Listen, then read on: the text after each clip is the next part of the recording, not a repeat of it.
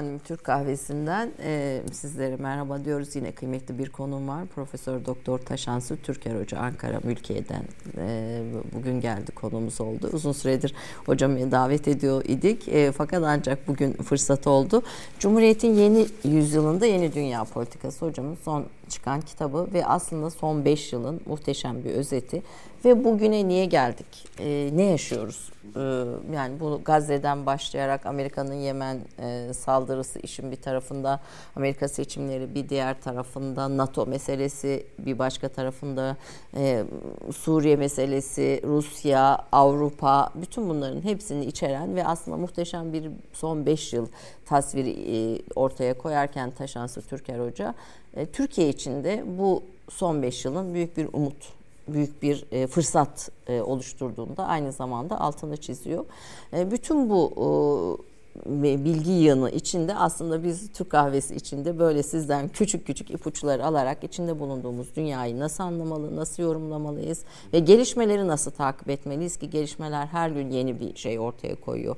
Yani Gazze Savaşı 100. gününü geçmiş durumda neredeyse ya 22 bine yaklaşan ölüsü. Dünyanın tarihinde hiçbir zaman bu kadar çok sayıda gazetecinin, sağlık personelinin öldürüldüğü yoğunlukta bir dönemde olmamış.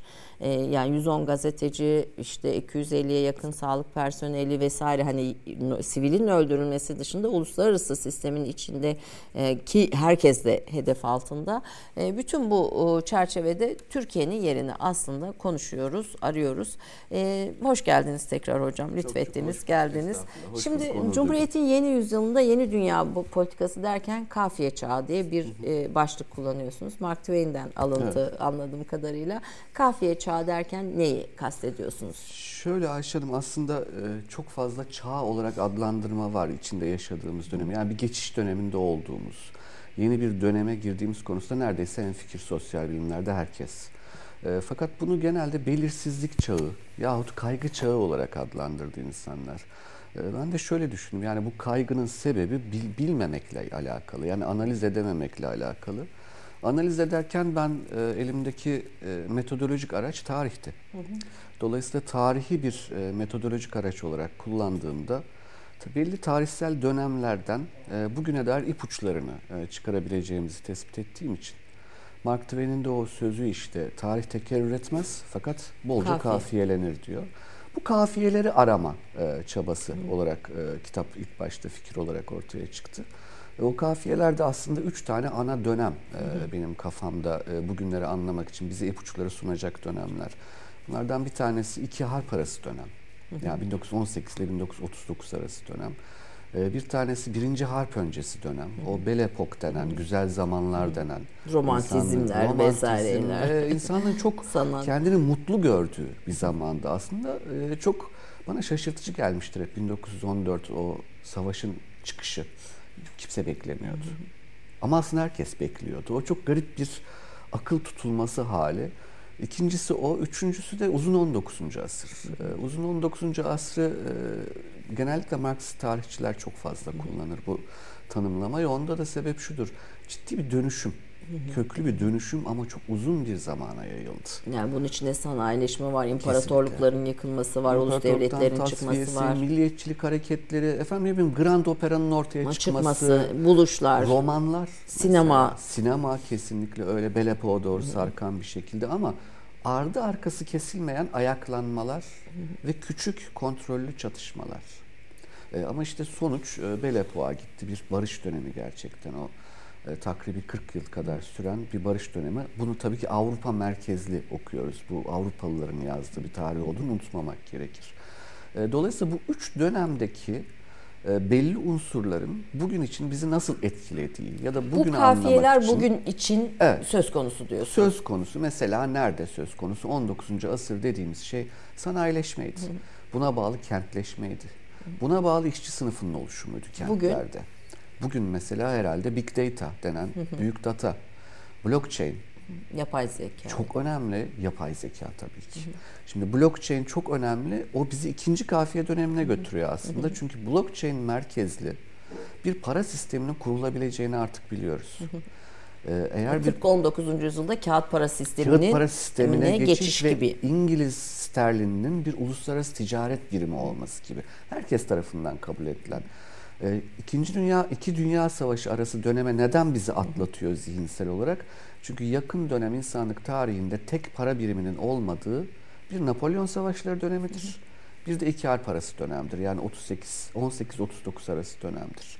Para yok. Yani herkes kendi parasıyla ticaret yapıyor. Şimdi bugün de baktığımızda işte Çin'in Suudi Arabistan'la yuan üzerinden yaptığı petrol ticaret anlaşması yahut blockchain üzerinden bir merkezi olmayan, dolayısıyla herhangi bir ülkenin kontrolü altında olmayan bir uluslararası ticaretin mümkün olabileceği iddiası bizi ikinci kafiyeye de taşıyor. Bu kafiye bir şekilde daha sonra bizi Belepok dönemine taşır. Neden? Çünkü teknolojinin bize sunacağı büyük imkanları olan aşırı inanç.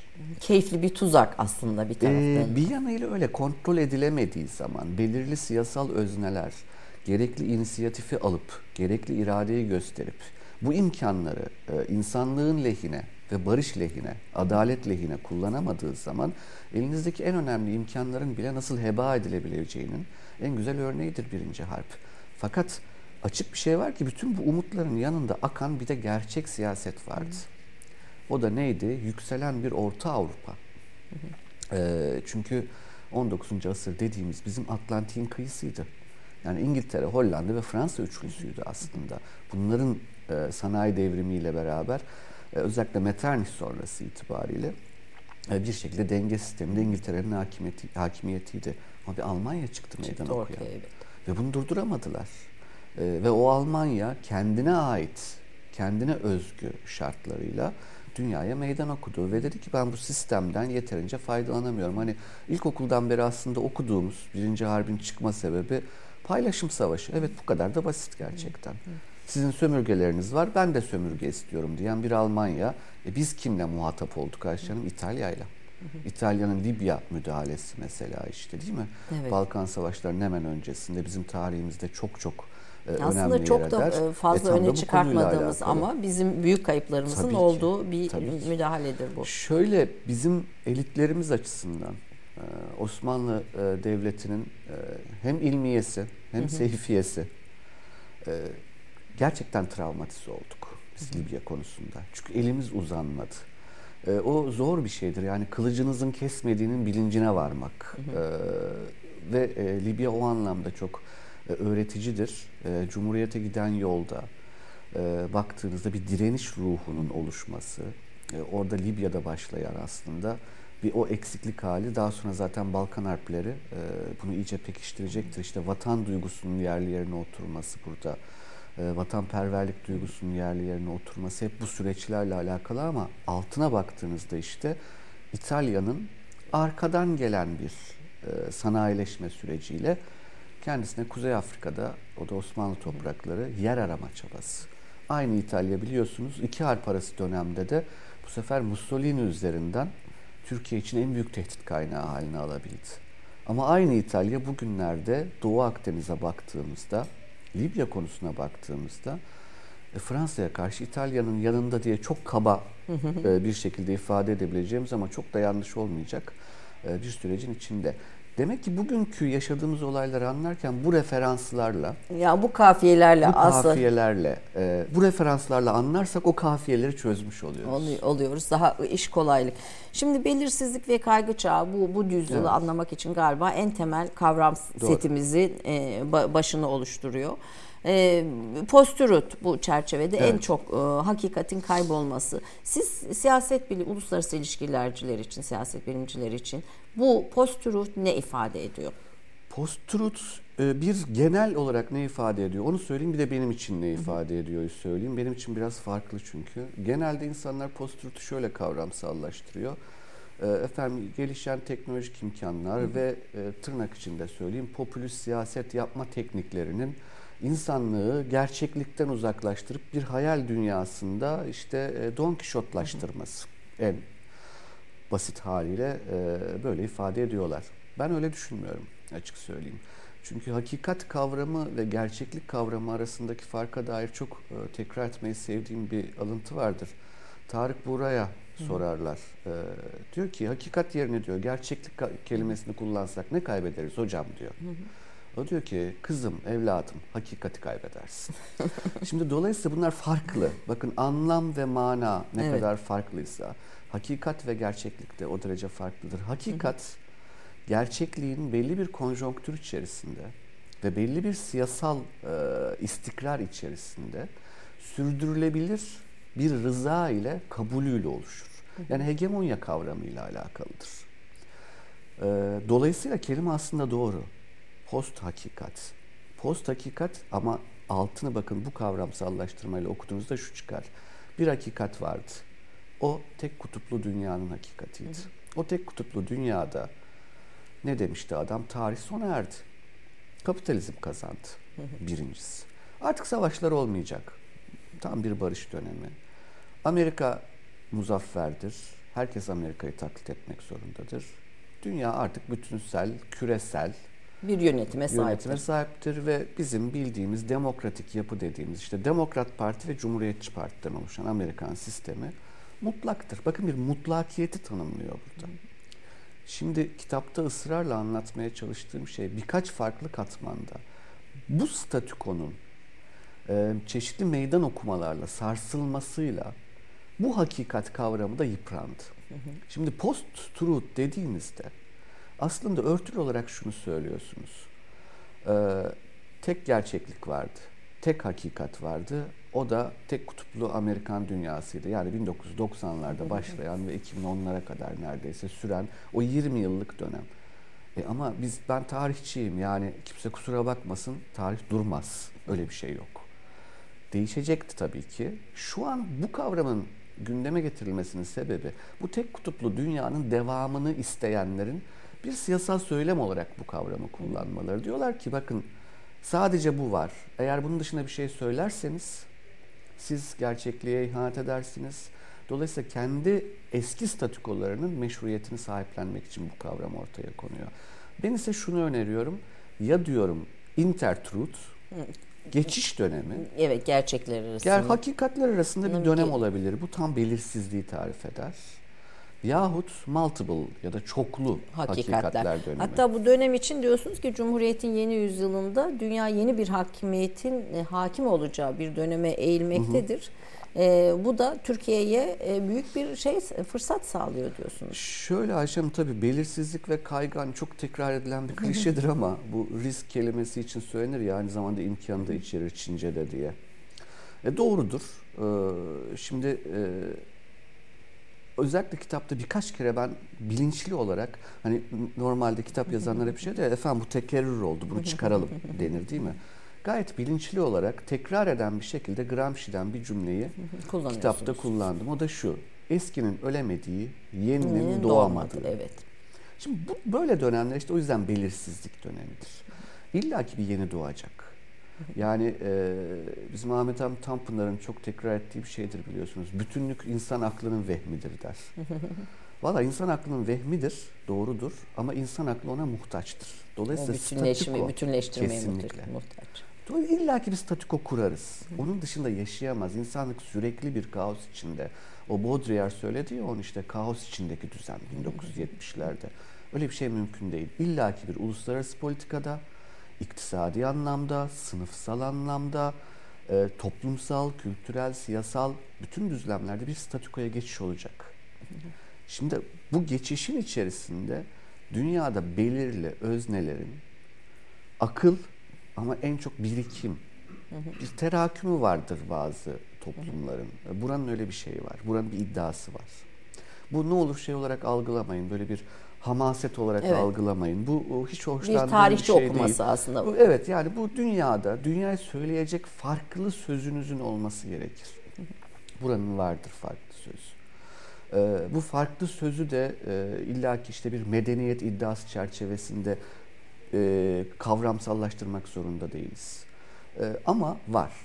Aynı zamanda reel siyasal ölçek baktığınızda ölçülebilir, hı hı. maddi e, imkanlarınıza baktığınızda da burası nüfusuyla, stratejik konumuyla, tarihsel birikimiyle, ordusuyla, orta sınıfıyla ve genç nüfusuyla belirli imkanlara sahip bir coğrafya. E, bunu akılda tutmak gerekiyor. Tabii ki bu e, belli bir mesuliyetler getiriyor. Yani sorumluluk sahibi tabii, olmayı da beraberinde Mutlaka şimdi hani e, biliyorsunuz ve sonradan zengin olan genelde o parayı harcar ve Bitiriverir, evlatlarına da pek yedi. bir şey kalmaz değil mi? E, yani çünkü o bir anda tesadüfen olmuştur. E burası tesadüfen olmak durumunda değil. E çünkü buranın gerçekten bir kökü var zaten. Burası bir düştü bir ara. Onu söylemek lazım. E düştü ama kalkar. Kalkar. Kalkma imkanı var ama bu imkana odaklanıp işi hamasete kaydırırsanız da boşa gitmiş Boşa imkanlar gitmiş olur. Şimdi biraz bunları yavaş yavaş açalım. Aslında ben bu 5 yıl, son 5 yılı özetlediğiniz yeni dünyanın paradigmalarını, temel kavramlarını biraz sizinle e, konuşmak Lütfen. istiyorum. Aslında kitabınız biraz da günlük gibi, son 5 yılın günlüğü gibi de Evet. bir taraftan da. E, ama müthiş analizler ve yorumlarla e, bize bir başka ba- bakış açısı da sunuyor. E, Taşansı Türker Hoca e, tarih alanında doktora yapmış birisi. Ben burada onu da söylemek istiyorum. Moskova Devlet Üniversitesi Asya ve Afrika Çalışmaları Enstitüsü'nde doktorasını Osmanlı Rusya İmparatorluklarında emperyal ki- e, kimlik ve milliyetçilik başlıklı teziyle tamamlamış. E, diğer taraftan da e, mülkiyede karşılaştırmalı siyaset e, ana bilim dalı başkanı olarak bugün görevine devam ediyor. Osmanlı tarihi, Rusya tarihi, Orta Doğu, Türkistan, bölge çalışmaları, imparatorluk, milliyetçilik, karşılaştırmalı siyaset, e, strateji ve iş dünyasına ilişkin yürüttüğü çalışmalar Türkçe, İngilizce ve Rusça dillerinde de yayınlanıyor. Slav ve Romans dillerine de galiba biraz hakimsiniz hocam farklı e, bir şeyde. E, bu, bu, bu bütün bu beslendiğiniz kaynaklar içinde bu farklı dillerde e, var. E, E, Çok önemli o Ayşe Hanım. Mesela işte romans dilleri benim en zayıf olduğumdur ama hani okuyorum işte. E, ders veremem öyle söyleyeyim. Ama ne bileyim mesela işte Fransa'da son çıkan tartışmaları takip etmek son derece zihin açıcı. Çünkü hani e, Batı dünyası içerisinde Fransa'nın mesela ayrıksı bir tarafı vardır. E, ne bileyim işte en son e, daha bir, bir hafta evvel mesela yeni bir kitap çıktı şimdi. Ben de onun siparişini verdim. Merakla bekliyorum işte. E, Batı'nın çöküşü. kitap Fransızca mesela. Fransızca. E, bunun Türkçe'ye çevrilmesi bayağı bir zaman alır biliyorum Türkiye'yi o anlamda. E, Takip etmek gerekiyor. Farklı e, merkezlerin zihin dünyalarını takip etmek gerekiyor. Yani bu Mesela- konuda aslında Rusya, e, İngilizce, İngilizce zaten hani Tabii. o anlamda temel bir şey ama Rusça, Fransızca sizin takip ettiğiniz Takip Slav edelim, dilleri evet. yayınlar İşte arasında. Ukra- Ukraynaca, Pol, Lehçe e, Onları da takip tabii ediyorsun. Mutlaka zaten her sabah bir gazetelere bakmak gerekiyor onlarda. Onlar da günlük takibiniz Ya için. şöyle bizim e, öyle bir şey vardır mesela şey yazarlar CV'ye e, işte efendim Slovakça biliyorum, Çekçe biliyorum. Ya o yazılmaz işte o Çekçe ve Slovakça Slav. zaten onu okursunuz yani o hani Türkçe ve Slav. Azerbaycan Türkçesi biliyorum demek Be- gibi o, demek o gibi bir yani şey. o ayıp yani. E, o zaman Kırım Tatarcası da biliyoruz Biliyoruz falan. gibi. E, ama çok basittir hani çünkü hani birazcık okuma yazma bilen bir insan, biraz merakı olan bir insan. Ben mesela Rusça öğrenirken işte Çekya ile alakalı bir şeyler çalışmam gerekiyordu. İki hafta sürdü hani hızlı bir şekilde Çekçe kaynak okumayı öğrenmek. E çünkü aynı dil Aynı neredeyse, dil, aynı, Slav aynı, aynı, aynı dil köken. Yani burada şu perspektifi önemsiyorum. Yani sizin Rusya'yı çok iyi biliyor olmanız Evet, ve. Rusya'dan da bu yani Avrupa kadar Rusya'dan da meseleye bakıyor olmanız bütün bu analizlerinizi bizim açımızdan da çok daha e, etkili. Orada bir, bir şey söyleyeyim o çok önemli Ayşe Hanım. Ben Türkiye'yi de o anlamda bakın çok önemserim. Ee, şimdi bazı pozisyonlar vardır. Rancière işte onu şeyde anlatıyor bu, bu siyasalın kıyısında diye kavramsallaştırıyor. Neyin kıyısında? Siyasalın Siyasalın kıyısında kıyısında diye. evet. Şimdi Kitapta bunu da merkezde- kullanıyorsunuz. Evet, evet, Aslında bunu- yeni çağın kavramlarından birisi bu kıyısında önemli, olma meselesinde çok önemli. kullanıyorsunuz. Çünkü merkezde olan bir, bir müddet sonra eskir. Yani merkezin verdiği rahatlık, konfor alanı e, ve sadece oraya ait olmanın verdiği bir kapalılık e, oluşur merkezde. Tam dışarıda olan o merkezi anlayamaz. E, yani sadece isyan eder ve genelde başarısız isyan eder öyle söyleyeyim. O arada derede kalan, kıyıda olan, şimdi bizde bu çok pejoratif, e, sanki e, menfi bir anlam gibidir kenarda, kıyıda olmak. Halbuki değildir. Halbuki imkan yaratır. Yani bir ayağınızın bir yerde, bir ayağınızın bir yerde olması iki yere birden ait olmaktır. E, ben o yüzden hep öğrencilerime onu söylerim. Türk olmak, Alman olmak gibi değildir. Yani Alman milli bilinci doğarsınız. 5 yıllık eğitimle Alman milli bilincini edinirsiniz. Yani gayet basittir. İşte Schiller'dir, Fichte'dir. Ondan sonra gidersiniz Beethoven'a falan varırsınız. Dersiniz tamam işte Alman yani. Türk olmak çok iyi bir şekilde Doğuyu iyi tanımak. Ama batıyı da iyi tanımak. Doğu ve batı dediğimiz şey de çok genel bir kavramsallaştırma. Mesela farklı batılar var. Farklı batılar var, farklı doğular var. Şimdi e, mesela işte Türkler İslam'la İran'da müşerref oldular. Ama Acemce, Farsça üzerinden oldular. Şimdi Doğu dediğiniz zaman sadece İslamiyet değil, onun dışında köklü bir İran uygarlığı var orada. O var. Efendim kökleriniz bir bozkır geleneği var. Bunlar idari gelenekler. Ama işte rahmetli Fuat Köprülü Hoca ne kadar aksini iddia etse de yahu İstanbul demek, Roma demek, Bizans demek. E burayı temellük etti Türkler. Bakın topluyor. Do, do bizim kendi doğumuz, kendi tür, Türk kimliğimizin içinde bütün Ama partiküller var son bunlar. 300 yıldır Batı'yla e, kendimizi tanımlıyoruz. Tan, kendimizi tanımlamakla Kar, kalmıyoruz, boğuşuyoruz. Onlar bizle boğuşuyor, biz onlarla boğuşuyoruz ama biliyorsunuz boğuşunca bir şey alırsınız. Bazen bir şey almak için boğuşuyorsunuz zaten. E şimdi Fransa'yı bilmeden olur mu? Yani 18. asır Fransız asrı, 19. asır Britanya asrı. Bunları bilmek gerekiyor. 20. asır bir şekilde Almanya'nın aslında yükselip talepkar olduğu ama olamadığı bir asır. Demek ki batıları, o farklı batıları da e, mutlaka bilmek gerekiyor. Türkiye o anlamda çok avantajlı. Hı hı. Ama vallahi Türk olmak çok zor.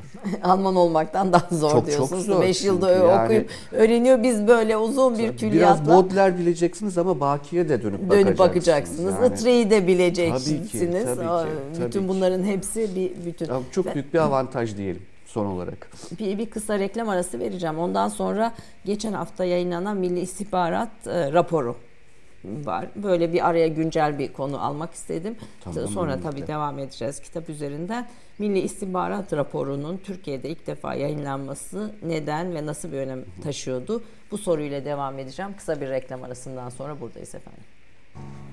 Efendim e, konuğum Profesör Doktor Taşansu Türker. Tabii ben böyle bir e, dünyaya vakıf bir konuk bulunca hemen hemen her konuyu konuşmak istiyorum ama vaktim ne kadar e, el verecek bilmiyorum. O yüzden çok hızlıca reklam öncesinde sorduğum soruyu sorarak devam ediyorum. Milli İstihbarat raporu yayınlandı.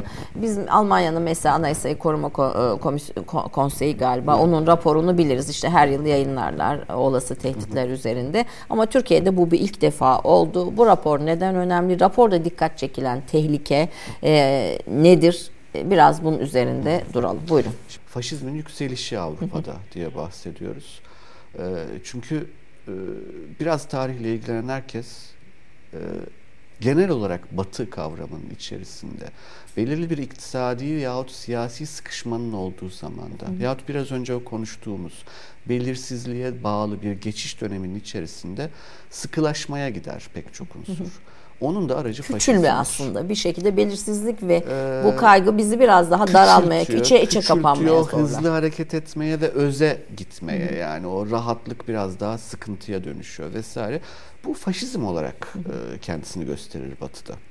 Şimdi dolayısıyla bu e, açık açık da adını söylemek lazım bunun. E, mesela çok sevdiğim bir yazardı Toprağı bol olsun Umberto Eco. Şey demişti yani bir daha faşistlerin kollarında svastikayla geleceklerini beklemeyin. Başka bir şekilde gelecekler. Çok da doğru yani. Ve başka bir şeyle geldiler. E, geldiler. Artık. Şimdi o geçen hafta Roma'daki görüntü insanın tüylerini diken diken eden bir neydi görüntü. görüntü? Arkadaşlarda yani o, da varsa eğer verelim. Yani toplaşmış bir sürü insan Mussolini selamı veriyor. Şimdi Mussolini dediğiniz anda Hı. E, bu Avrupa tarihinin bir gerçeğidir. Hı hı. Tartışmaya da açıktır. Siyasal olarak tartışırız. Tarihi bir e, vaka dönem olarak tartışırız. Fakat e, şimdi bugün bunun bir siyasal hareket olarak yeniden ortaya çıkıyor olması. Burada görüntüyü görüyoruz. Burada ha, hocam herhalde. Şu, evet. Ve bayağı da kalabalık. E, kalabalık tabii bu yani kabul edilebilir bir şey mi? Şunun Almanya'da olduğunu düşünebiliyor musunuz? Yani Almanya çünkü Nürnberg'i yaşadığı için bu olmuyor. Hı hı. Fakat aslında oluyor. Bunu söylemeye çalışıyorum. Görünür, Görünür değil. değil sadece. Fakat en son anket iki gün önceydi yanlış hatırlamıyorsam. Yüzde 28 e, Hristiyan demokratlar, yüzde 24 AFD. Yani bu, aralarında yüzde dörtlük bir fark yüzde dörtlük fark var. O bir de şöyle düşünün ne olur. AFD'ye oy verenler anketlerde genelde söylemezler. E, dolayısıyla daha yüksek bir şey bekleyin. Ya bu hani hepimizin kaygılanması için gerekli sebepler de Bir bunlar. de Almanya bunun bedelini ağır ödemiş bir ülke. Çok. Yani ceza Çok. hala e, Çok. İsrail'e o cezayı ödüyor. Soykırımın cezasını ödüyor. Dünyaya hala e, bir şey borcu olan bir ülke bu E, noktada. öyle tabii. E, ama Fransa'ya bakın. Yani işte Kavgam en çok satan direniş. kitaplardan birisi oldu. Hollanda'da oldu biliyorsunuz işte iki sene evveldi galiba. Birinci en çok satan kitap. Kavgam. İnanılır bir şey. Bir de berbat bir çalışmadır o. Yani kitap mı Allah aşkınıza? Yani bir mırıldanmalar, bir adamın zihnindeki zırvalamalar vesaire. E, fakat bu e, artı Fransa. Onu söylüyordum yani Marine Le Pen Mareşal orada. Bunlar yani geliyor bir şekilde. E, Macron'un beceriksizlikleri ortada.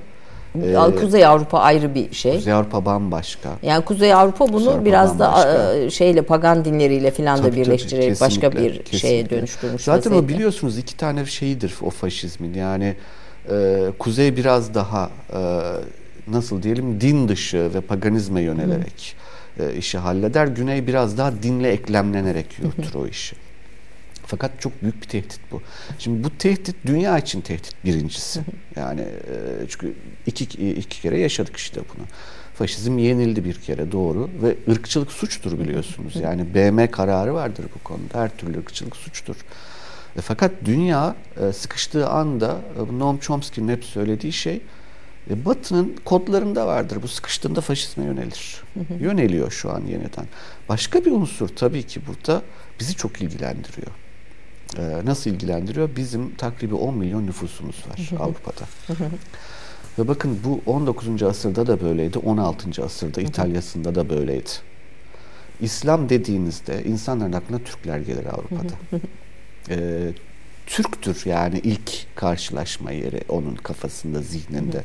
Ee, dolayısıyla bu ırkçılığın yöneleceği ilk yerin Türkler olduğunu bizim biliyor olmamız gerekir. Zaten çok da kötü hatıralarımız var değil mi? İsimlerini bugün anmak bile istemiyorum E, artık. bu- Allah bu rahmet eylesin. bir- Breivik- Solingen olayı. Breivik e, ve Breivik'in Yeni yaptı. Zelanda e, Tabii. katliamını yapanın üzerinde bütün Türklerin sa- savaşta Canım Türklere yani karşı işte. verilen savaşların tarihleri kazılı Kesinlikle hala. Ayasofya'nın resmini kazıyor falan Kazıyorlar adam bir üzerine. yere bir şey yani anlatabiliyor muyum? Burada hani bizim bunun farkında olmamız gerekiyor. Birincisi o. Yani Avrupa'da yükselen aşırı sağın birinci e, şeylerinden birisi Türk öznesi diyorsunuz. Somut olarak kesinlikle öyle. Soyut olarak ya da yahut orta vadede ise zaten dünyayı tehlikeye atacak. Uluslararası sistemi tehlikeye atacak bir gidişat. Milli İstihbarat raporu bu nedenle bu konuya üzerine bunu önemsiyor ve diyor ki bakın ilk bir kez rapor yayınlıyorum. İlk yayınladığım raporun konusu da bu. Demek ki bu benim için öncelikli bir konu. Diğer bir husus e, yine buna bağlı olarak İslamofobya kavramı. Şimdi İslamofobya biliyorsunuz 90'lı yıllarda ilk kez AGİT çerçevesinde uluslararası hukukun ve uluslararası örgütlerin de konusu oldu. E, bu arada şey söyleyelim izleyicilerimize İslamofobya konusunda Taşan Su Hoca başka bir kavramsallaştırmaya gitmek gerektiğinin Kesinlikle. altına çık. Aslında İslamofobiye ne demeliyiz? İslamofobi kavramı ya da ne kadar doğru Şimdi diye soruyu sorayım size. İslamofobya diyeyim kelimeyi çözdüğümüzde İslam korkusu. İslam'dan korkma hali, fobiden gelen işte fobya. E, fakat e, 90'lı yıllarda AGİT bünyesinde bir tane daire kuruldu. Antisemitizmle ve İslamofobiya mücadele ofisi. Şimdi o zamanlar bence anlaşılırdı. Fakat bugün geldiğimiz dünyada sanki bunun adı artık İslamofobya değil. Nasıl antisemit diyoruz? Semit karşıtı olmak. Bugün bir anti-İslam bir pozisyon beliriyor tüm dünyada. Ve bu ırkçılık kavramı bununla içli dışlı yürüyor. Ve çok garip şekillerde tezahür ediyor. Bakın mesela bu Gazze olaylarına dair e, biz çok e, hakikaten naif bir milletiz. Çok da seviyorum o tarafımızda. Biraz ama deşmemiz gerekiyor. Deştiğinizde mesela Katolik bir ülkede Katolik kimliğiyle tevarüs etmiş ve onunla kendini var eden kesimler Gazze'nin tarafında bir eylem yapıyorlar. Biz de seviniyoruz burada. Tabii ki sevinelim bir yanıyla ama bir yanıyla bir gözümüzde şu konuya açık olmalı. Bizim Türkçe'de çok güzel bir deyiş vardır. Hubbu Ali'den değil de buzu Muaviye'den deriz. Yani Ali'yi sevdiğinden değil de Muaviye'ye nefret nefretinden bunu yapar diye. Şimdi bu adamların pek çoğu Gazze'de insanlık adına Gazze'nin tarafında değiller. Yahut mağduriyet adına Gazze'nin tarafında değil. Bu adamlar Yahudi düşmanı olduğu için, antisemit olduğu için bunu yapıyor. Ve bakın öyle ya da böyle bu antisemitizmle ve İslamofobiya ile mücadele ofisinin kurulması gitti aslında manidardır. Çünkü bir şekilde Avrupa faşizminin özü antisemittir. bu kaçınılmaz. Yani İsrail'in ve felsefi e, kökenleri, inanış kökenleri, inanış kökenleri, kökenleri daha canım, onu açıkça söylemek lazım. Yani e, benim peygamberimi çarmıha geldiniz. Geldi, evet. Siz düşüncesi e, kökleşmiştir. Katolik kilisesi bunu kökleştirmiştir. Ortodoks kilisesi bambaşka bir hale getirmiştir onu söyleyelim.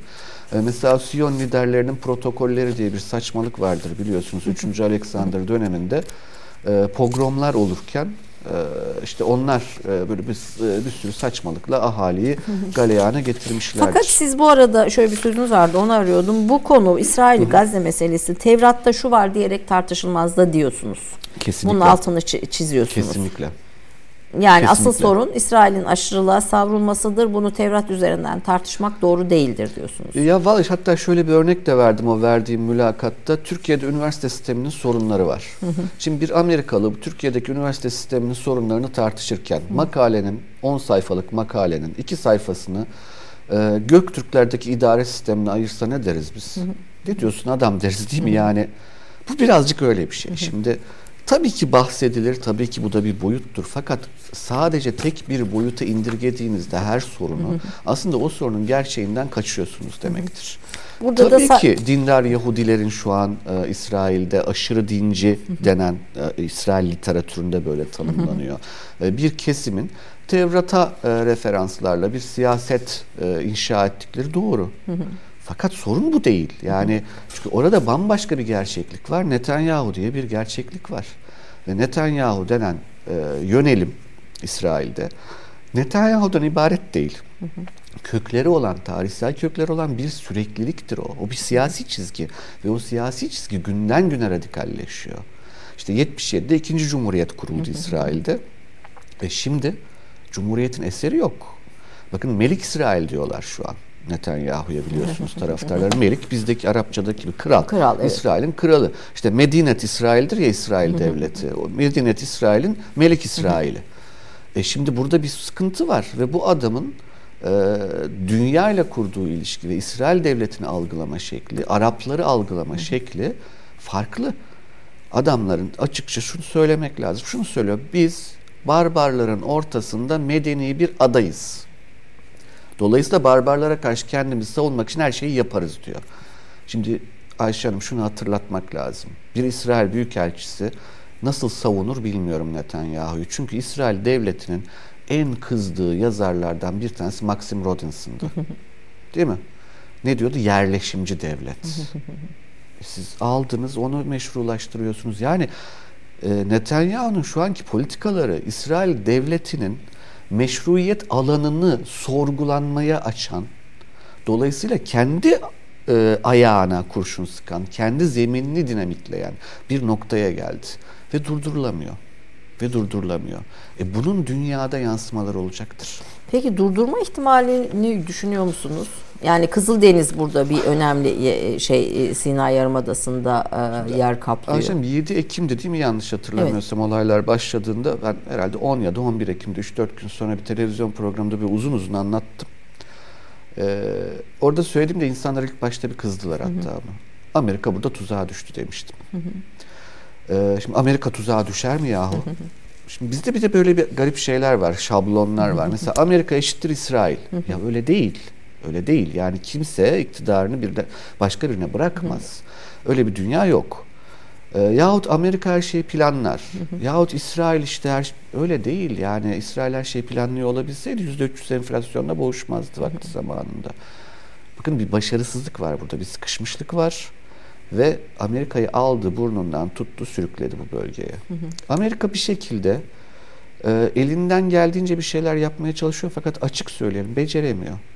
Beceremiyor gerçekten beceremiyor. Bu, bu krizi yönetemiyor. Yönetemiyor yani çünkü gidiyor Dışişleri Bakanınız Tel Aviv'e iniyor uçakla Ben Gurion'a diyor ben buraya bir Yahudi olarak geldim, geldim diyor. diyor. Yahu Allah akıl fikir Bütün versin. dünyaya. Bir de bu çocuk bunların en akıllılarından bir tanesi öyle Blinken için tabii.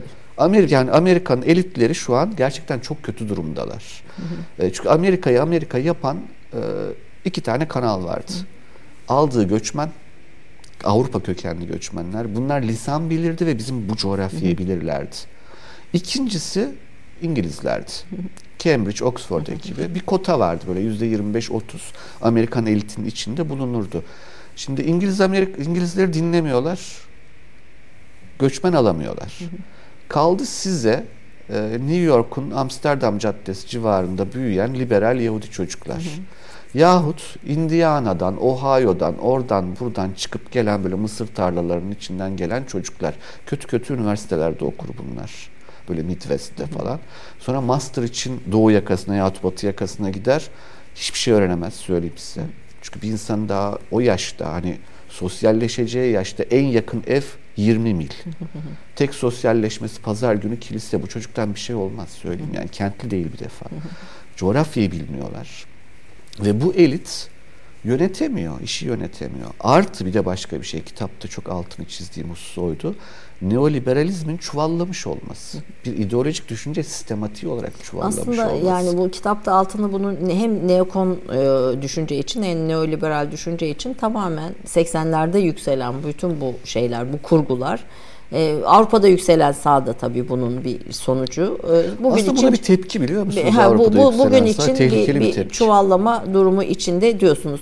Şimdi burada Kızıldeniz'e kısaca girelim ha, yoksa direkt ki. bir Trumpizme Amerika'da ne değişti kısmından 2016'dan olur, olur. alıyorsunuz konuyu Aha. ve Trumpizmle e, evet. başlıyorsunuz. Trumpizm diye tanımlanıyor artık dünyada bu.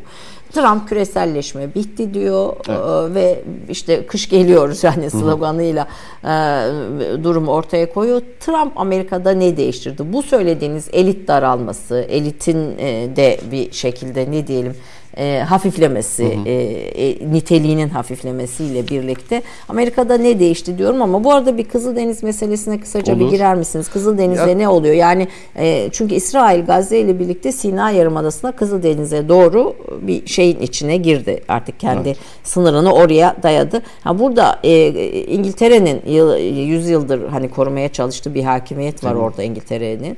E, bu onların buna şey ne olacak? Bir tepkisi olmayacak mı? E, İlla ki olacak. Bu çok mühim mühim yani Kızıldeniz e, ben işte kitapta da mesela 2020 yılında falan orada özellikle böyle altını çiziyorum bugünkü olaylar e, öngörülüyor aslında.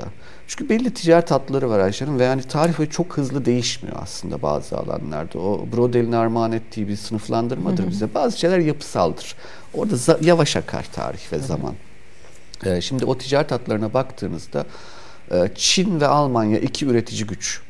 E, ve iki enerji ithalatçısı. Bunlar buluşmak istiyor. Ticaret yapacak. Lojistik hat lazım. En makul olan Rusya üzerinden geçen tren yolu hattıydı. Şimdi en M40 yolu denen Baltık'tan işte Karadeniz'e ve oradan Akdeniz'e inen bir hat aslında kesintiye uğradı şimdi. Nasıl uğradı? Girit'teki Amerikan üssüyle, Dede Ağaç'taki Amerikan üssüyle, Ukrayna savaşıyla, e, Polonya'yla ve Baltık'la. Yani Amerika, Çin ve Almanya arasındaki Arasında, ticaret hacmini kesti. Kuzey Akşin. hattını kesti. Yol üzerinden kesti. Şimdi bizim batımız e, batının doğu sınırı oldu böylelikle Dede Ağaç. E, şimdi Rusya buna tepki olarak madem öyle dedi ben bu hattı açarım. E çünkü kendisi de faydalanıyor. Aynı zamanda bir küresel mücadelede karşı tarafa gol atmış oluyor. Çin'in önünü ve Almanya'nın önünü açmak için yani hem Almanya'ya bak sen benim çok karşımda durma ben senin işini yapıyorum de, demek için hem de Çin'le olan yatırım ilişkilerini devam ettirebilmek için bu hattın alternatifini Kafkaslar üzerinden açtı. Ermenistan Azerbaycan ilişkileri son iki yıl içerisindeki ve Zengezur hattı ve e, bizim e, Karabağ'ı kurtarmış olmamız, Türk toprağını geri almamış olmamız bu konjonktürle alakalı. Yani yoksa normal koşullarda Rusya'nın Ermenistan'ı yem edeceği yoktu. Açıldı. Açıldı mı açılmadı mı tartışmalı. Bir tane daha hat var. O da güneyden gidiyor. O güneyden giden de deniz attı. Hindistan, Kızıldeniz ve oradan Akdeniz'e açılıp Avrupa ile buluşuyor. Şimdi orası da e, İmek üzerinden Amerika'nın ve İngiltere'nin hattı. Hindistan'ı bu sefer Avrupa'ya bağlamaya çalışıyor. Şimdi siz Çin olarak yukarıdaki hattınız kapatılıyorsa, orta hat henüz açılmadıysa, güneydeki hatta da sizin işiniz engelleniyorsa siz ne yaparsınız? E siz de başkasının kurduğu hattı engellersiniz. Hı hı. Orada da İran devreye giriyor. İran'ın Yemen'deki etkisi işte Çin'in bu, bu ticaret hattını kesmek üzere oluşturduğu bir stratejinin ürünü diyorsunuz. Ee, yani onun ürünü olmasa da ona hizmet ediyor. ediyor. Oradaki Peki. varlığı e, böyle Kızıldeniz girişi ama aynı zamanda Basra Denizi'nin girişi ikisi birden İran tarafından e, tehdit altına alınıyor. Şimdi birilerinin de onu güvenlik altına alması gerekiyor. Mesele bu. Hı hı. E, o mesele Doğu Akdeniz'e bağlı tabii ki. O mesele Mısır'a bağlı. Şimdi Mısır ve Suudi Arabistan'ın Arap dünyasında hangisinin kiminle iş yapacağı mühimdir. Belli ki Suudi Arabistan Çin'le yakınlaştı son dönemde. Mısır ise Hindistan ve Çin arasında hala dans ediyor. Şimdi Hindistan dediğimizde de aslında İngiltere diye okuyun onu. E, Amerika nerede diye soracak olursanız Amerika bu işlerde epeyce çuvalladı. O çok güvenmedikleri e, küçük ada dedikleri İngilizlerin peşine takılmış durumdalar. Ama belli ki bir hat oluşturamıyorlar. Mesela bu İmek tam bir saçmalıktı. Yani İngilizlere kaldılar işte. E, Afganistan'dan çekilmeleri. Ne kadar basiretsiz ve öngörüsüz olduklarını gösterir. Büyük ihtimalle İngilizleri delirttiler Afganistan, Afganistan'dan çekilerek. Çünkü Afganistan'dan Amerika'nın çekilmesi demek orada Çin'in hakimiyet kurması demek ve aynı zamanda Pakistan'dan dolayı kaygı sahibi olan Hindistan'ın Batı kampına düşmanlaşması demek. Tabii bu arada İmran Han'ın içeri girmesi, Çin'le ilişkiler falan hani bütün bu Pakistan gibi hepsi, büyük büyük bir blok. Hepsi, hepsini bunun içinde okumak Hı. gerekiyor. Buradan bakın çıkaracağımız sonuç şu. Bir adet Amerika var elimizde. Öyle ya da böyle dünyanın en büyük ekonomik Hı. gücü. Ee, ama en önemlisi bence bugünlerde... %48 bu arada savunma ah, kitapta notlarınız güzeldi. arasında vardı. %48 dünya, dünya savunma sanayi. Tüm savunma bütçesinin %48'i Amerika tarafından harcanıyor. Şimdi bakın yani efendim iktisadi olarak e, eskisi kadar başarılı olamayabilir. E, efendim akli melekeleri eskisi kadar kuvvetli olmayabilir. Elitleri işte yani iyi yetişmiş olmayabilir. Siyasal sistem çok iyi çalışmayabilir. %48 demek... Yarısı yani. Dünya, bu, tüm dünyadaki çatışmaların savunma sanayinin bu, yarısı bunlar. Şöyle bu bizi korkutması gereken bir şey. Çünkü aklı çalışan beli silahlı bir adam illa silaha davranmaz. e, ama aklı yeterince işi çözemiyorsa e, silaha davranır. Dünya için kaygı verici hususlardan bir tanesi bu olsa gerek. Ee, yani onu da şey akılda tutalım. 1870 yılıydı. Britanya İmparatorluğu'nda sermaye ve emek verimliliğinin zirve yaptığı yıl. Ondan sonra düşüşe geçer. 1918 Birinci Cihan Harbi bitti. İngiltere muzafferdi. Hayır, çok yıpranmıştı doğru ama yine de muzafferdi. Ee, dolayısıyla hani böyle tarihsel süreçlere bakarken çok keskin e, cümleler kurmamak lazım. Ama bu kafiyeler de önemli. Ama diyorsun. kafiyeler önemli. Evet. Şimdi burada mesela şu sonucu çıkarıyor bir bazı insanlar. Amerika bitti demek ki. Yok öyle bir şey yok. Amerika bitmedi. Tabii Amerika-Çin rekabeti kitabınızın ekseninde evet. bir hayli e, yer alıyor. Rusya'yı da burada bir unsur olarak önemli bir yerde görüyorsunuz. Mesela bugünkü gene Trumpizme geçeceğim çünkü Hı. o önemli tabii aslında tabii bu şeyin içinde. Çünkü e, Trump İsrail meselesi içinde önemli. Damadın e, işte e, Netanyahu ile ilişkileri, İsrail ile ilişkileri, Kudüs'ün başkent ilan edilmesi, o Suud'la Prens Selman'la ilişkileri falan aslında bugün içinde bir başka e, şey e, dikkat edilmesi gereken bir nokta hatırlanması gereken nokta. Ama Amerika, Çin, Rusya e, diye dair bir eksen kurduğunuzda ve Avrupa bu Hı. dörtlü unsuru güç dengesi içinde bir eksen kurduğunuzda nasıl bir e, denge kuruyorsunuz? Ee, şöyle Amerika ile Çin asıl olan yani. Asıl en büyük tepedeki şey Amerika-Çin savaşı. Yani o şeyi artık unutalım o soğuk savaş döneminde Bitti. bir Sovyetler Birliği vardı bir Rusya vardı. Şimdi bugünkü Rusya Federasyonu'nun ekonomik e, büyüklüğü, ekonomik hacmi Manhattan adası kadar yok. Düşünün yani. O kadar.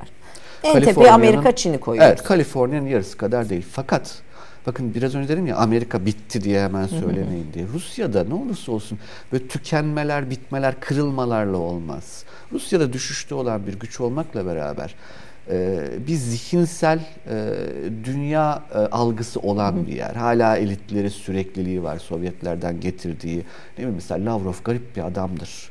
Öyle ya da böyle başarılı bir adam bu. Ee, çok iyi iktisatçıları var. Ee, öyle ya da böyle askeri teknolojide bunlar e, daha İleride güne kadar e, iki kutuptan bir tanesiydi. Yani birdenbire yok olup gitti değil. Fakat hani gelecek dönemin asıl rekabet alanı nedir diye baktığınızda açık Çin. Ee, Çin e, bir şekilde işte önümüzdeki 20 yıl içerisinde Amerika'ya geçmiş olmayı hedefliyor. Bunu da resmi olarak söylüyor zaten. Yani saklamıyor bunu. Fakat sorun şurada Ayşe Hanım. Ee, siz birisini geçmeyi hedefliyorsunuz. Peki e, karşınızdaki e, böyle armut mu toplayacak hı hı. o arada? Hani şey mi diyecek? Aa ne kadar güzel bir yarış yapıyoruz. O da bizi geçecek. O da bizi geçiyor. Görünüyor bak hesaplamalarımızı yaptık. Bizim de uzmanlarımız hesapladı. Önümüzdeki 20 yıl içinde bizi geçmiş 44 olacak. diyorlar 2044 44, 49, 49 vesaire. Evet. Yani şimdi öyle bir şey söz konusu değil tabii ki. Zaten dünyanın o gerilmesinin sebebi bu. Ee, bir yükselen bir Çin, hı hı. düşüşte olan bir Amerika. Biri düşmedi bakın. Öbürü de yükselmedi henüz. Ama trendler, trendler belli. bu yönde. Şimdi bu trendlerin olduğu yerde bir karşılaşma illaki olacak. Bu karşılaşma efendim bir Yalta olabilir. Mümkün yani nasıl Sovyetler Birliği ile Amerika Birleşik Devletleri. Yalta'da buluştular. Yalta'da buluştular. Ve yeni dünyayı, dünyayı ikiye kurdular. böldüler. Dediler ki herkes kendi şeyine bölgesine sahip çıksın. Diğer de diğerine o bölgede karışmasın. Yani Soğuk Savaş'ın ruhu buydu. Hani mesela bugün çok eleştiriyoruz işte NATO içindeki Türkiye bağımsızlığını yitirdi vesaire diyoruz ama e başka var mıydı ki? Yani evet. Soğuk Savaş'ın ruhu buydu çünkü. Başka bir yolu Başka yoktu. Başka bir alternatifi yoktu. Bir kişi çıktı biliyorsunuz. Charles de Gaulle. Charles de Gaulle çıktı dedi ki Soğuk Savaş'a rağmen ben özelliğimi koruyacağım. E Charles de Gaulle'ün adına hala bugün Crown dizisinde mesela işte Britanya'nın e, hanedanının anlatıldığı dizide adamın adı geçmiyor hala. Yok öyle bir ülke öyle, öyle bir, öyle bir adam yok. Bak Fransa yine geçiyor Gerçekten ama şimdi söyleyince çok, siz. Çok ilginç bir evet. şey. Yani bu çünkü o Anglo-Amerikan merkezli soğuk savaştaki Batı kampındaki tırnak içinde onların gözü tek çıban başıydı De Gaulle. Ama neye dayanıyordu? Bir, stratejik olarak Ülkesinin Sovyetlerin konu. sınırında değildi. Uzak yani. İki, içeride FKP var Fransız Komünist Partisi. Bunlarla bir şekilde barış yapıyor falan. Bunları hatta kullanıyor, denge için kullanıyor. Ve üç, nükleer gücü var. Şimdi yani o dönemde kimde var nükleer? Amerika'da var. Rusya'da var. İngiltere'de var. Hop Fransa nükleer güç sahibi oluyor.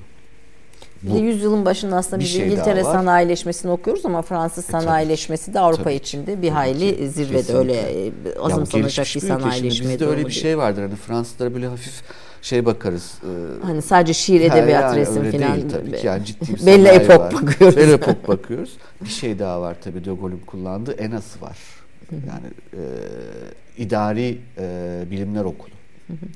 Ulusal İdari Bilimler Okulu elit yetiştiriyor Fransız devleti. Fransız aristokrasisi değil artık. Cumhuriyete bağlı elit yetiştiriyor. Bunu kullanıyor. E bu. Ama onun dışında yoktu. Şimdi peki bir Yalta olur mu Çin'le Amerika, Amerika arasında? arasında? Şimdi o bir yaratıcılık meselesi. Yalta'yı kuranlar çok sevdiğim bir adam olmadığı açık Stalin'in. ee, ama öbür tarafta bir Amerikan becerisi vardı. Ee, oldu. Bugün kurulabilir mi? Pek sanki öyle bir kapasite yok gibi. Yani diplomatik kapasite, zihinsel kapasite e, sanki yok gibi görünüyor bana. Umarım yanılıyorumdur. Olmazsa ne olur? İki tane alternatif vardır.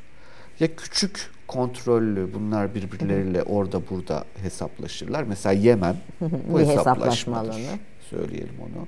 Efendim Kızıldeniz'de yani öyledir. Yemen aslında Amerika-Çin hesaplaşmasının evet. bir, şu anda Kesinlikle. bölgesel merkezi. Kesinlikle.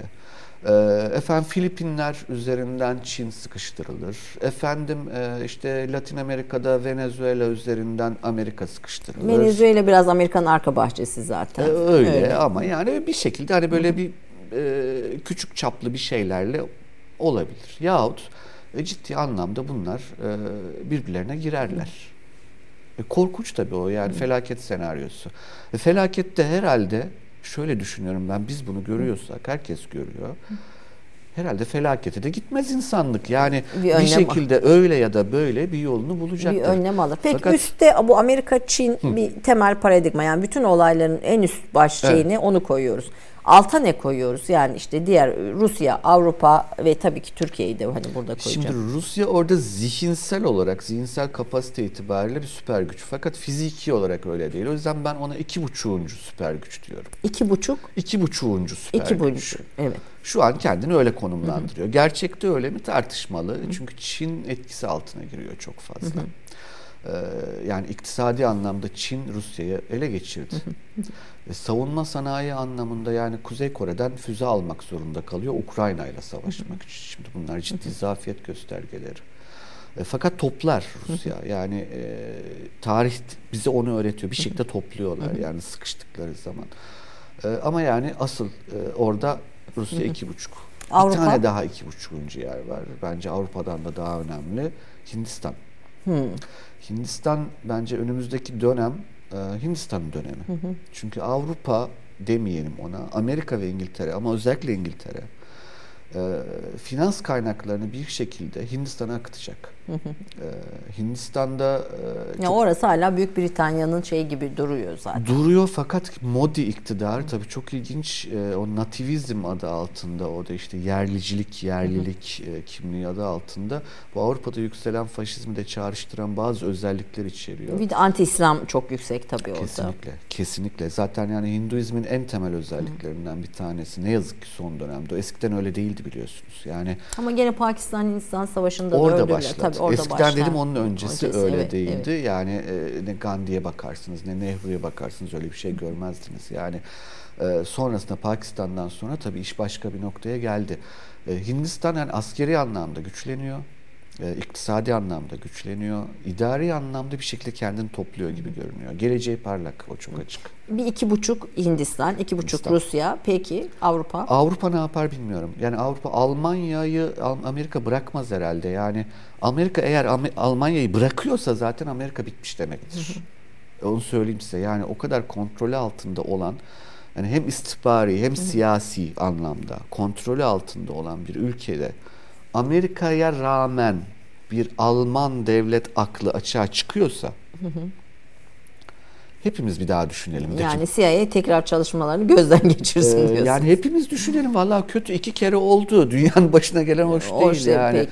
Alman bu yani. Avrupa'nın içinde de... Fransa e, şey yapabilir. Yani Fransa bir şekilde şu an ikili yani bir yandan İngiltere'den hoşlanmaz malum Fransızlar hiç hoşlanmazlar. Bir de Almanlardan hoşlanmazlar ikisinin arasında.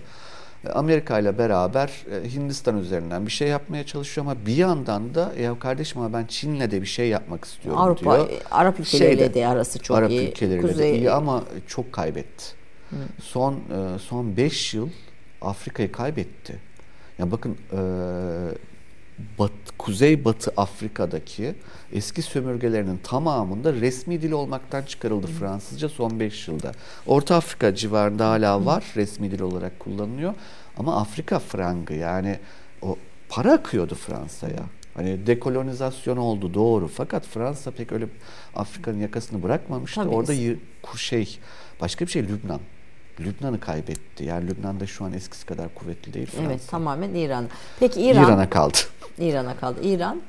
Ee, İran tabii bir uygarlık, e, bir medeniyet olarak baktığınızda çok iddialı bir yer. Geçenlerde e, çok kıymet verdiğim bir emekli büyükelçimiz onu söyledi. Yakın dönem insanlığın tarihi yeniden eski uygarlıklar üzerinden yürüyecek gibi görünüyor dedi. Çok önemsiyorum ben bunu. Ee, yani Hint bir eski uygarlık, Çin bir eski uygarlık, İran da öyle.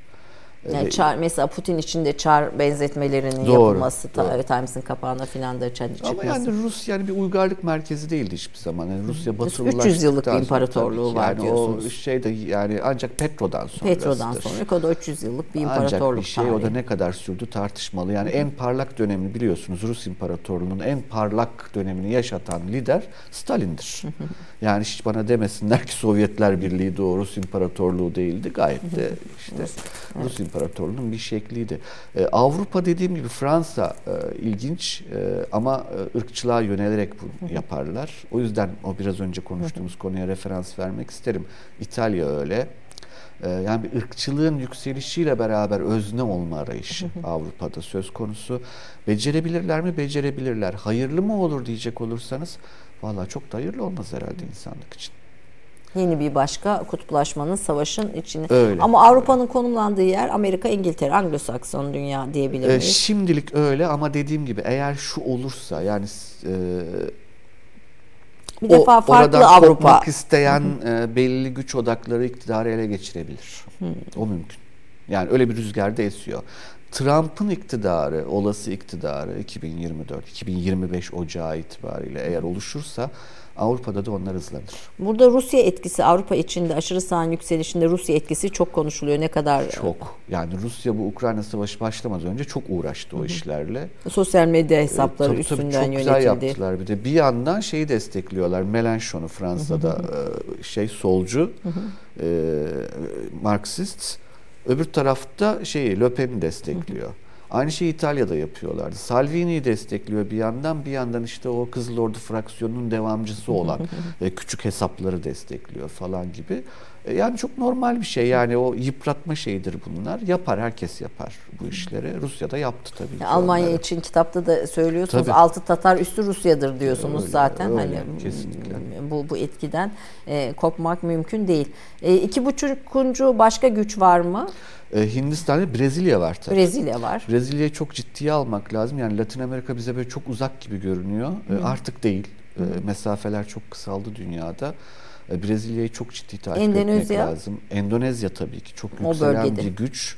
E, ve Endonezya çok açık bir şekilde Çin'le beraber yükseliyor. E, ekonomisi bağlı ama siyaseten de stratejik gereklilikler onu Çin'e e, ittiriyor. O çok riskli Endonezya açısından. Yani ilk elde ne yazık ki e, Çin'e değil ama Endonezya'ya şey E, kapışma çatışma alanında, çatışma alanı alanında oraya doğru görünüyor. bir, biraz. E, İşte Avustralya, Yeni Zelanda biliyorsunuz. Yeni Zelanda değil ama Avustralya çok heveskar. Peki biz biz neyiz? Ee, biz e, dün de bir konferansta söyledim onu. Biz şöyle e, bir geleneğimiz var bizim. E, o gelenek çok açık. E, kıs- kısaca söyleyeyim açıkça. O gelenek denge politikası. Burası şunu biliyor. Çok hassas bir coğrafyadayız. Meselelerimiz var. İmkanını bulursa burası- Saklanmamız mümkün değil. Çok ortadayız Kesinlikle, sağdan kesinlikle. soldan. Yani öyle ben kafamı e, Göm- e- eğdim. E, Dolayısıyla bana gelmez diye bir şey yok. İdare etmek zorunda burası. E, Onu yapıyor şu an. İdare ediyor, e, günü geçiriyor. E, Günü geçiriyor derken hani o bakalım yarına değil, atlatmaya çalışıyor bazı şeyleri. E, Çünkü burada taraf olunmaz Ayşe Hanım. Bizim coğrafyamızda bir ülke böyle bir dönemde taraf olmaz. Çünkü yarını öngörmeniz gerçekten söz konusu. Kimin değil. kazanacağını da bilmiyoruz. Yani, Yani, bu çok açık bunu konuşmak lazım. Hani böyle bazen hani gençler şey yapıyor. Efendim ahlaki bir pozisyon. Tabii ki ahlaki bir pozisyonumuz var. İnsanın tarafında olmak, adaletin Barışın tarafında tarafı. olmak. En çok barışın. en çok barışın. Ya ben bunu hep ısrarla söylerim. Çok hoşuma gidiyor Türk olmak bu yüzden. Çünkü ahlaki olarak en üst erdem barışçı olmaktır. Ve Türk devletinin çıkarı barıştan yana. Şimdi düşünebiliyor musunuz? Mesela Alman olsanız barış çok da Alman devletinin işine yaramıyor.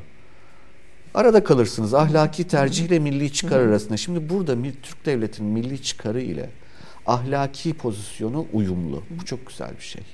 Barışın tarafında olmak ve çok açık bir şey var. Ee, efendim geleceğe iyi bakmak zorundasınız. Yarın illaki daha güzel bir dünya kurulur.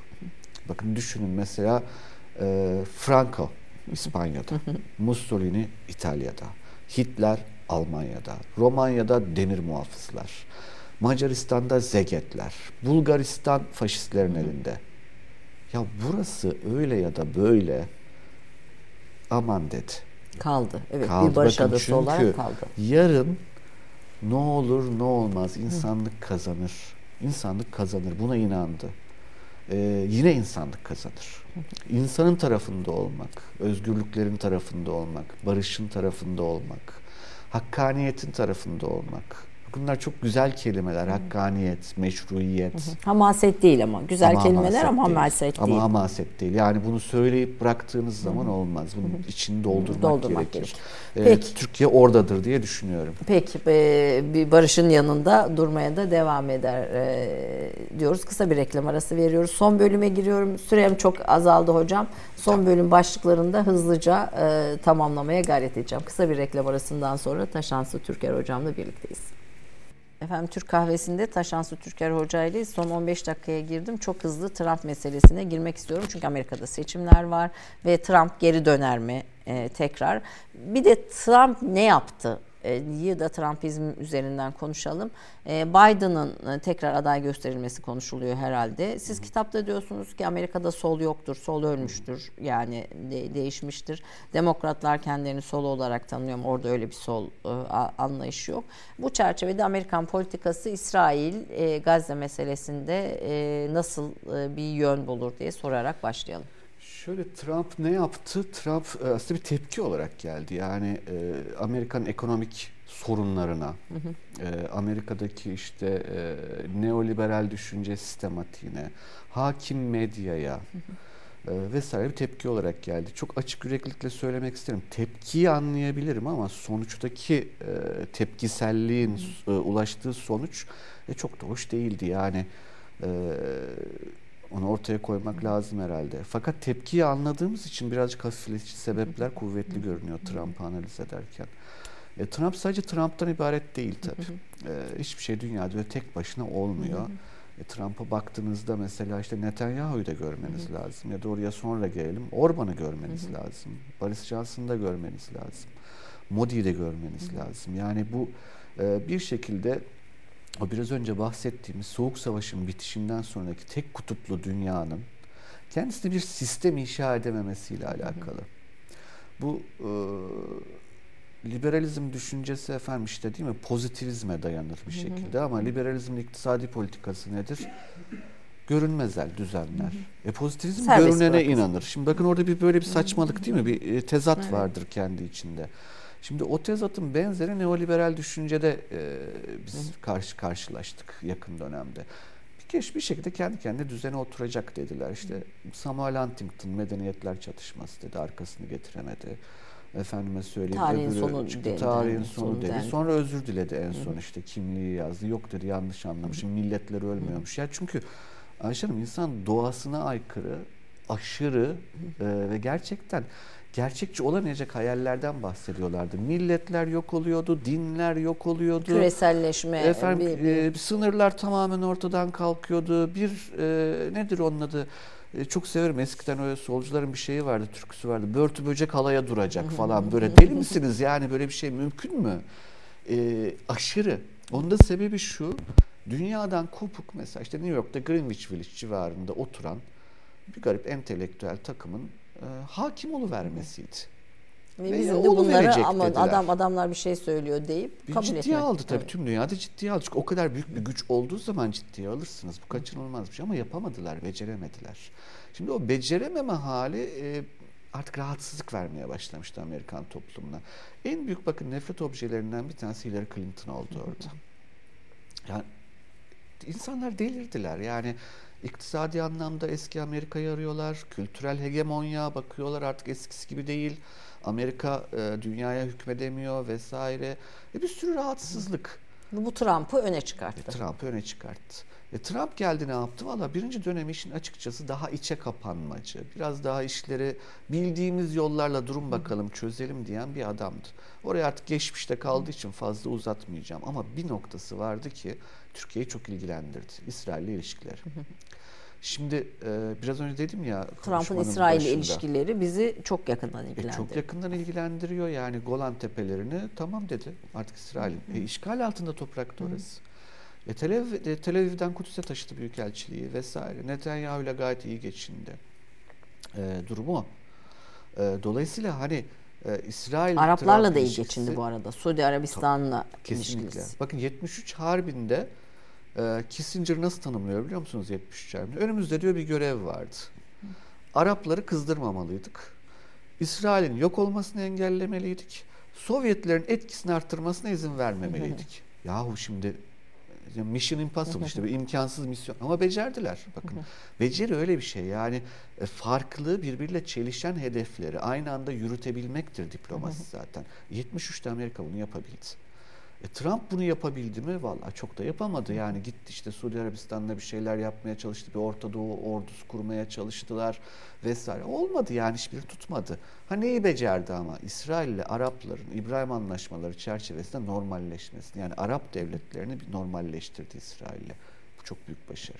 Onu becerdi. E, fakat e, ağır, baktığınızda hesabı kitabı yaptığınızda İsrail taraftarı. Şimdi dedim ya konuşmanın ta başında Amerika eşittir İsrail. Öyle değil. Joe Biden bir Katolik. Yani çok e, İsrail lobisiyle de yakın ilişkilere sahiptir ama yani zihinsel olarak ben size söyleyeyim içinden şey geçiriyordur. Yesin bu Orta Doğulu hmm, birbirine e, Arap iki sevmediğim ulus birbirine Samiler yesin. yesinler birbirlerine. birbirlerine. derler bunu söyleyeyim. Yani öyle kimse de kimseye aşık falan değil hayatta. Yani gayet de normal. Trump öyle değil. Şimdi ikinci dönemi Trump'ın bir genel çerçevede bakacak olursak çok kızgın. Birincisi Trump. Başına gelenlere çok kızgın. Bu Biden döneminde. Davalara, soruşturmalara, şunlara bunlara.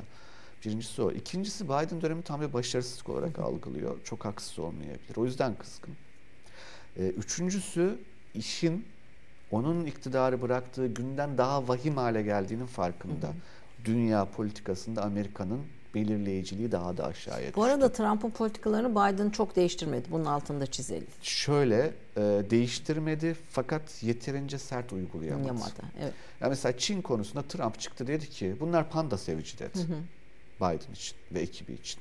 Yani diyor Çin'le bizim diyor Çin'i sıkıştırmamız lazım. Öyle diyor anlaşarak olmaz. Rusya konusunda ise tam tersini söylüyor mesela. Diyor ki Rusya ile anlaşalım Avrupalıların ne hali varsa görsünler. Biz onu orada sabit tutarız, saldırtmamayı beceririz. Çünkü Rusya ile beraber ben Hindistan'ı da alırım. Bakın Amerika adına politika üretiyor. Şimdi Biden'ın ürettiği politikalara baktığınızda şöyle söyleyeyim, ilkesel olarak bana daha cazip geliyor. Niye? Çünkü kural e, kurallara dayalı bir politik sistem diyor, uluslararası sistem diyor. Efendim savaşın engellenmesi diyor. Ki Efendim, gerçekte olmuyor ama yani. diyor. Ya söylem. Söylem. Söylem çok güzel. Yani Şimdi şey nedir onun adı? Imagine diye bir şarkı var ya. Şimdi hangimiz sevmeyiz yani. Tabii tabii. Söylem çok güzel. Hepimiz arzu ederiz. Ama gerçekleştirilebilir mi? Mesele orada. Ee, Trump ama bu sefer daha kızgın bir Trump olarak gelecek geldiği zaman. Ee, Gelme şansı var mı? Ben yüksek görüyorum. Ben yüksek görüyorum. E, dünyadaki genel gidişat da e, birazcık o yönde. Hani Avrupa'daki hazırlıkları da öyle görüyorum. E, mesela bir iki Trump seçildiği zaman etraftaki arkadaşlarımla falan konuşurken ben Trump seçilecek diyordum. Herkes dedi deli misin ya mümkün mü öyle bir şey diyorlardı. Ben şey şunu söylüyordum yani benim elimde bir istihbarat teşkilatı yok. Ne bileyim ben. Fakat elinde istihbarat teşkilatı olan şey var. Nedir onun adı? Rusya devleti var. Bakıyorum Rus basınına. Trump seçilecek gibi davranıyorlar. Hadi bunlar yanılıyor olabilir. İsrail'e bakıyorum. Trump seçilecek gibi davranıyorlar. Hani aklıma çalışıyor benim. Şimdi yine bakıyorum Netanyahu'ya. Trump seçilecek gibi davranıyor. Bir, iki, Trump'ın seçilmesi için elinden geleni yapıyor. Ne çıkarı var Netanyahu'nun? E şöyle Biden'la Netanyahu anlaşamıyor hiçbir şekilde. Yani çok açık. Ama Gazze sürecinde Amerika destekledi e, diyebiliriz. Destekledi değil işte. Gazze sürecinde Amerika beceremiyor, durdurmayı beceremiyor Netanyahu'yu. Yani Amerika o eski Amerika değil artık. Neten, e, peki Trump için durum ne olur? E, Trump Gazze Savaşı'nda Netanyahu'yu destekler. İşte aradaki fark o. yani şu an Biden yönetimi durdurmaya, tutmaya çalıştığı Netanyahu bunları yapıyor. Trump ise büyük ihtimalle yap lütfen de benden ne istiyorsun diyecek. Niye? Ee, ideolojik olarak daha yakınlar. Hı hı. Ee, dünyaya bakışları birbirine daha yakın. Ee, ve Biden'ın ekibinin e, Orta Doğu'ya bakışı ile Trump'ın bizzat kendisinin Orta Doğu'ya bakışı tamamen birbirinden farklı. Hı hı. Trump güç yoluyla yani e, kaba kuvvet yoluyla Orta Doğu'yu şekillendirebileceğine inanıyor. Aradaki fark o. Dolayısıyla hani e, Trump ve Biden arasında e, böyle ben görüyorum bazen Türk medyasında e, Biden'cılar var mesela, Trump'çılar var. Bana çok garip geliyor bu. Yani deli misiniz size ne? E, benim oy verme hakkım yok Amerikan seçimlerinde. O yüzden kusura bakmasınlar. Yani biri birinden daha iyi diyemeyeceğim. Sadece İsm Türk olarak bizim analiz etmemiz lazım. Şimdi e, İsmail Kara'nın şeyidir e, e, analım program bizim Hı -hı. programda da Türk kahvesinde de söylemişti. Türkiye'de üç temel yönetim unsuru vardır. Bir Ankara der, bir millet, bir diğeri de dış güçler. Evet. Bu dış güçler sanırım Amerika'da o şey biraz daha e, Trump ve Biden arasında aslında böyle bir e, kavgayı da bir şekilde e, fikirsel olarak planlıyor. E, fikirsel ortaya... olarak planlıyor yahut şöyle söyleyeyim hani bizde bir de bir garip bir böyle aşırı bağlanma şeyi vardır Türklerde biliyorsunuz. Yani hemen sevi veririz takım tutar gibi aman o iyi bir şey yaptı falan gibi. Bunlar hassas konular. O yüzden hani böyle kuyumcu terazisiyle hakikaten ölçmek gerekiyor. Hiçbir şey mutlak iyi değil, hiçbir şey mutlak kötü değil. Ee, ülkenin çıkarı neyi gerektirir? Neyse ona ba- ona bakmak ona, ona lazım. Bakmak Şimdi NATO'da başlıklarımızdan birisiydi bizim için önemli. Ee, evet. Ee, tabii bu arada siz İsrail Gazze meselesinde bir çıkış görmüyorsunuz gibi bir hisse Yok, kapıldım. Görmüyorum. Ben daha yayılacağını bekliyorum. Bölge yani Lübnan'a yayılmaz herhalde. İran herhalde ona Lübnan'a yayılacak ilk başta. Lübnan'a mı yayılacak? Öyle yani bu tabii bir İran'ın da içinde olduğu bir başka bölgesel başka büyük yani Yemen meselesi zaten öyle. öyle. Bölgesel bir çatışmaya daha e, meydan vermez mi? Yani verir. O yüzden zaten Amerika'da e, Gazze'nin Gazze'lilerin kara kaşına kara gözüne değil e, bunu kontrol edemeyeceğini bildiği için zaten Netanyahu'yu durdurmaya Tabii çalışıyor. Tabii Gazze'lilerin kara kaşı kara gözü derken Edward Said'in meşhur şeyidir. Haberlerin anında İslam'da öyle başlar. Amerika için Orta Doğu halkları siz, sisin ardında bir takım insanlardır. Yani Çok böyle doğru cisim hani Çok bir, bir insan bile değil de bir takım Çok gölgelerdir doğru. diye başlar ve öyle anlatır. Gerçekten Emin de öyle. Avrupa bile öyledir biliyor musunuz? Yani kendi geldikleri, göçmen olarak geldikleri mesela bir İskoç için işte İskoçya'yı, Britanya'yı bilir de valla Almanya ne ifade eder, Fransa ne ifade eder, ee, bir İsveç kökenli için İskandinavya'yı bilir de İtalya ne ifade eder. Yani dolayısıyla bu Atlantik orada e, garip bir şey denir ya hep Atlantik'i geçince valizlerinizi bırakıp öyle geçersiniz Amerika'ya diye. Valizlerini bırakmışlardır ama e, artık bu öyle bir valiz bırakma hali ki yani derilerini soyup bırakmışlar Yok gibi sayma, sanki. Tabii. İnanılmaz bir cehalettir o. Hı hı. E, bir Fransa şeydir, e, nedir onun adı, bir cazibe merkezidir. Hı hı. O da yani kültürel bir şey işte. O da komiktir yani sadece komedi unsuru komedi olarak Amerikalıların gitmek gerekir.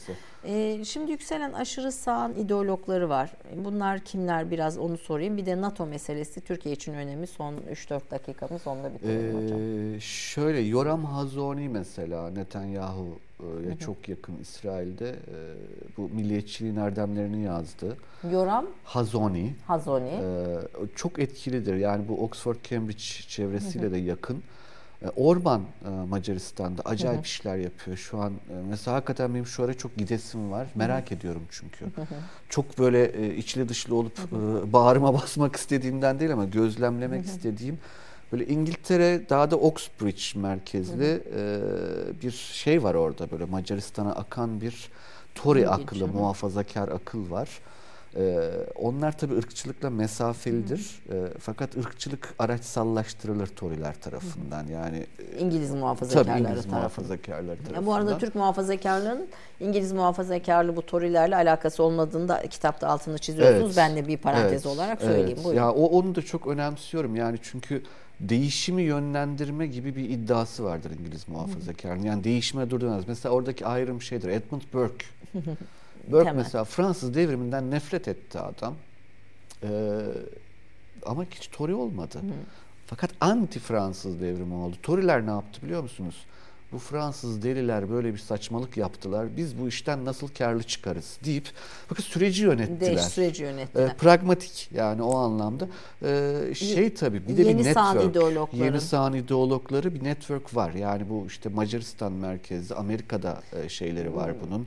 E, adamın adını unuttum şimdi bu e, Hatta Trump'ın da danışmanlığını vesaire yaptı. Bu Avrupa'ya çok gitti geldi. İşte Marine Le Pen'le, Salvini'yle. Steve bir şey galiba. Galiba, galiba. Evet, Şimdi evet. çıkaramadım adını ya. Aklıma. Şimdi çıkaramadım adını ben de.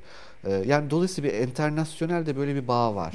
Ee, yani onu, aslında onu tüm Avrupa'yı birbirine lazım. bağlayan, Amerika'yı, Avrupa'yı Amerika'yı, birbirine, Avrupa'yı birbirine bağlayan, bağlayan bir hat yeni sağ. Bir, Milli bir istihbarat raporumuzda da bu yeni sağın yükselişi Avrupa'da evet. Türkiye için ya önemli. Onu ben çok önemsiyorum. Altını çizelim onun Ayşe Hanım. Yani ya burada şimdi, aslında milliyetçilikle bu yeni sağı ayırmakta fayda canım, var. Yani şimdi milliyetçilik mesela Türkiye'deki görünümüyle bakacak olursanız milliyetçilik milletin milli iradenin siyaseti kendini yönetmesi ve milli iradenin millet olarak eşit haklarla anayasayla bunun e, her bir bireyin millete bağlanması. Yani şimdi bu çok özgürlükçü, son derece eşitlikçi yüksek bir insanlık idealidir.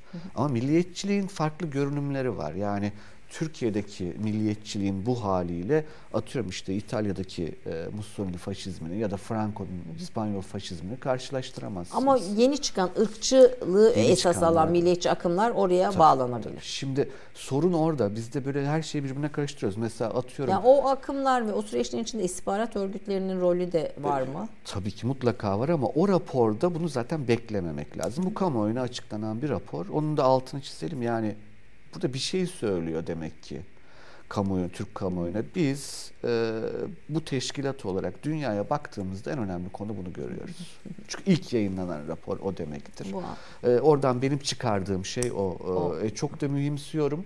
E, şundan çünkü hani e, şeyle bitireyim mesela Marx diyordu ki balık tutsun işçiler. Adamın sosyalizm hayali oydu. Pol Pot gitti milyonlarca insanı öldürdü. Şimdi o mu bu mu anlatabiliyor muyum? Bu kavramlar böyle çok değişkendir.